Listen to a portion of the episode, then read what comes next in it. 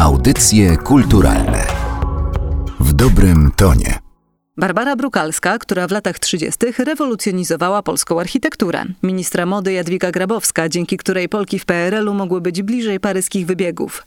Jeden z najznakomitszych polskich kompozytorów, Karol Szymanowski. Gustaw Holubek, wybitny aktor teatralny i filmowy. Czy wreszcie Olga Tokarczuk, laureatka Międzynarodowej Nagrody Bookera. To kilkoro twórców, którzy w ostatnim stuleciu odcisnęli swój ślad na polskiej kulturze. Studenci i doktoranci Warszawskiej Akademii Sztuk Pięknych przedstawili na plakatach życiorysy i twórczość twórczość 40 zasłużonych dla naszego kraju artystów. Przed mikrofonem Magdalena Miszewska. Zapraszam na rozmowę o wystawie 100 na 40.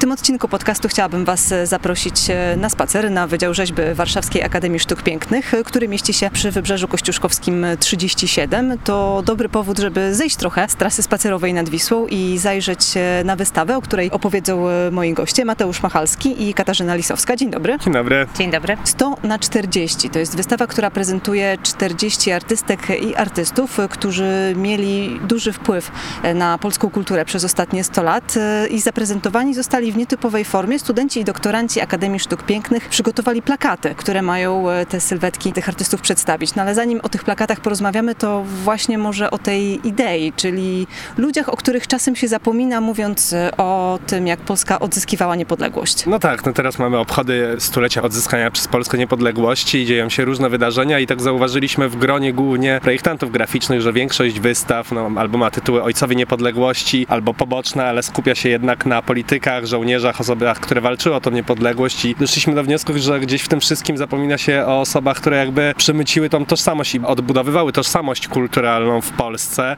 czyli najzwyczajniej w świecie o artystach i twórcach kultury. I takim skrótem myślowym podczas rozmowy z profesorem Lechem Majewskim doszliśmy do wniosku, że skoro Akademia teraz organizuje Międzynarodowe Biennale Plakatu, jest jakby głównym organizatorem wydarzenia i zależało nam od początku, żeby różne cykliczne wydarzenia działy się dookoła tego, wpadliśmy na pomysł, że może to jest dobra okazja do uczczenia właśnie tych artystów, a plakat no, wynikł tak naprawdę bardzo naturalnie, ponieważ no, jest to taka technika i takie medium, które no, daje duże możliwości wypowiedzi twórczej. W przypadku tego typu rankingów e, i my też mieliśmy podobny problem w audycjach kulturalnych, przygotowując w zeszłym roku kulturalny alfabet e, niepodległości, zawsze jest e, ten proces wyboru, prawda? I ilu twórców rankingu, tyle postaci, które w tym rankingu się znajdzie, rankingu, no, na liście nawet, bo to nie chodzi o to, żeby ich pod względem ważności i za każdym razem ktoś może mieć jakieś pretensje. A czemu jest akurat ta osoba, a nie ma tej innej, która przecież jest ważniejsza, bo coś tam. W jaki sposób sobie właśnie poradzić z wyborem tych twórców? Tutaj jest ich 40 i do tego 100 lat aż historii Polski trzeba było w tych 40 osobach zmieścić. No zdecydowanie wybór był bardzo ciężki, no bo skondensować tych wszystkich twórców kultury do grupy 40 osób no jest niezwykle trudno i oczywiście to nie jest żaden miarodajny wynik.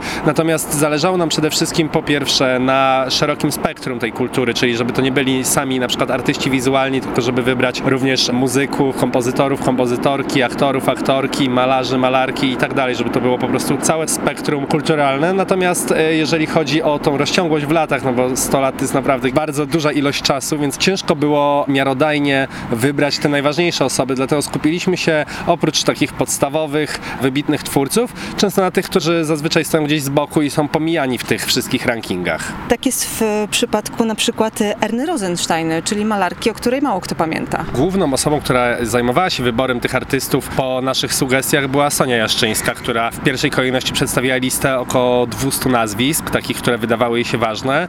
Od razu wiedzieliśmy, że ważny będzie nie tyle zachowanie parytetu, co nie chcieliśmy, żeby po prostu znowu wyszło, że będą sami mężczyźni, więc chcieliśmy, żeby ta równowaga była zauważalna, ale często pojawiały się głosy od samych artystów, którym zależało na sportretowaniu kilku osób i podobnie było z Erną Rosenstein, która została nawet nie tyle nominowana, co Linda Lach wyraziła chęć, że chciałaby sportretować konkretnie tę artystkę. No my oczywiście nie mieliśmy nic przeciwko, no bo tak jak wcześniej wspominałem, no, ten wybór był bardzo subiektywny, no jak to w przypadku wszystkich takich wyborów, jak mamy gigantyczną grupę wybitnych twórców. Ja sobie zrobiłam taką małą statystykę, jakie są grupy artystów reprezentowane na wystawie i najwięcej jest wszelkiego rodzaju literatów, czyli poetów, pisarzy. Tutaj zaliczyłam też Witkacego, który co no prawda tak. mógłby się znaleźć w każdej grupie reprezentowanej umiarkowanej prawie i reprezentantów e, sztuk wizualnych e, i muzyki jest sporo, ale rzeźbiarzy też jest, e, wydaje mi się, że dużo, bo aż 6 osób na 40. No tak, generalnie, tak jak wcześniej wspominałem, zależało nam na tym, żeby to było całe to spektrum kultury, żeby to nie byli tylko artyści wizualni, bo wiadomo, że nam jako studentom Akademii Sztuk Pięknych no najłatwiej byłoby po prostu wybrać ludzi związanych ze sztukami plastycznymi.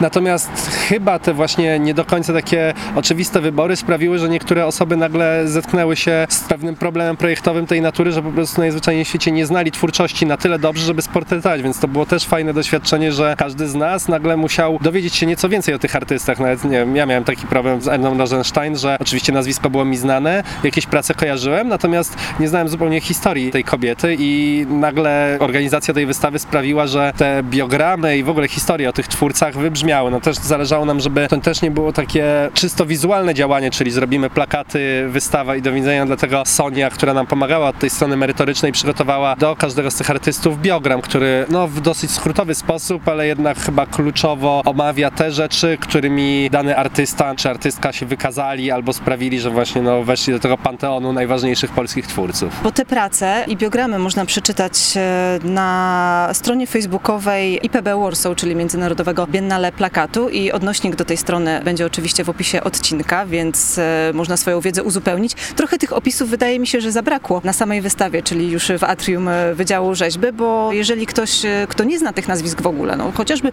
turysta zagraniczny e, trafi na tę wystawę, czasami nie jest łatwo odgadnąć nawet z jaką dziedziną tutaj ma się do czynienia i to był chyba właśnie największe wyzwanie, które stanęło przed twórcami, czyli jak na plakacie przedstawić e, sylwetkę i dorobek e, danej osoby. Jak wy oceniacie, jak sobie studenci poradzili ze swoim zadaniem? E, Mnie się wydaje, że studenci poradzili sobie bardzo dobrze, natomiast widać też na tych plakatach bardzo wielką różnorodność zarówno technik e, graficznych, które zostały użyte, jak i pomysłu samego. Nie tylko jest to zobrazowanie danego twórcy, ale też i pokazanie jego e, sylwetki na tle historii Polski. To jest dosyć też istotne moim zdaniem w tym całym projekcie. Jest na przykład Marek Chłasko, który składa się z dymu papierosowego, albo Witold Gombrowicz, który składa się z gęby i z pupy. To jest chyba najciekawsze, że te 40 osób nie miało żadnych ograniczeń, tak naprawdę poza formatem B1, czyli tym klasycznym formatem plakatowym, oprócz tego, żeby sportretować tych twórców, ale też właśnie nie każdy wybierał portret, niektórzy wybierali, tak jak właśnie wspomniany Witold Gombrowicz, czyli mamy tą gębę i pupę, czyli tak naprawdę no, plakaty odnosiły się do najróżniejszych sfer, zarówno sfery artystycznej danej osoby, którą wybraliśmy, jak i czasem czysto wizualnej, czyli portretując po prostu tę osobę, więc wydaje mi się, że to spektrum właśnie technik i różnorakiego wykorzystania narzędzia i medium, jakim jest plakat, jest w tej wystawie najciekawsze. Które prace was zaskoczyły? Zofia Hansen, wspaniały plakat. Uważam, że oddaje w 100% to, czym ona się zajmowała. Znakomity, naprawdę. Ja uważam, że to jest jeden z lepszych plakatów. Moim faworytem z kolei jest e, Ignacy Paderewski, projektu Izabeli Lewkowicz i generalnie jakoś po wystawie w Muzeum Narodowym, która się odbywała w zeszłym roku, byłem może nie tyle zszokowany, bo znałem historię jakby, co ten człowiek i artystycznie i politycznie zrobił, natomiast no, to, co zrobiła Izabela, według mnie no, trafia w punkt, czyli prosta z gestu namalowana ręka, która gra na Polsce, która została z gestu też potraktowana trochę jak klawiatura i uważam, że po prostu no, tutaj nic dodać, nic ująć, że ten przekaz jest tak konkretny, że nawet osoba, która nie zna biografii tego człowieka jest w stanie domyślić się, o co może chodzić. Ja zrobiłam takie rozeznanie w redakcji audycji kulturalnych i tutaj najczęściej e, wśród tych plakatów, które podobały nam się najbardziej, to był plakat przedstawiający Andrzeja Panównika. Plakat Andrzeja Panównika nawet na wystawie też budził spore zachwyty. Podejrzewam, że przez swoją taką minimalistyczną formę i po prostu minimum środków, a maksimum wyrazu, czyli to, czym tak naprawdę plakat powinien być. Więc no, tutaj się zgadzam i nie dziwię się, że budził ten plakat podziw. Zresztą no, Waleria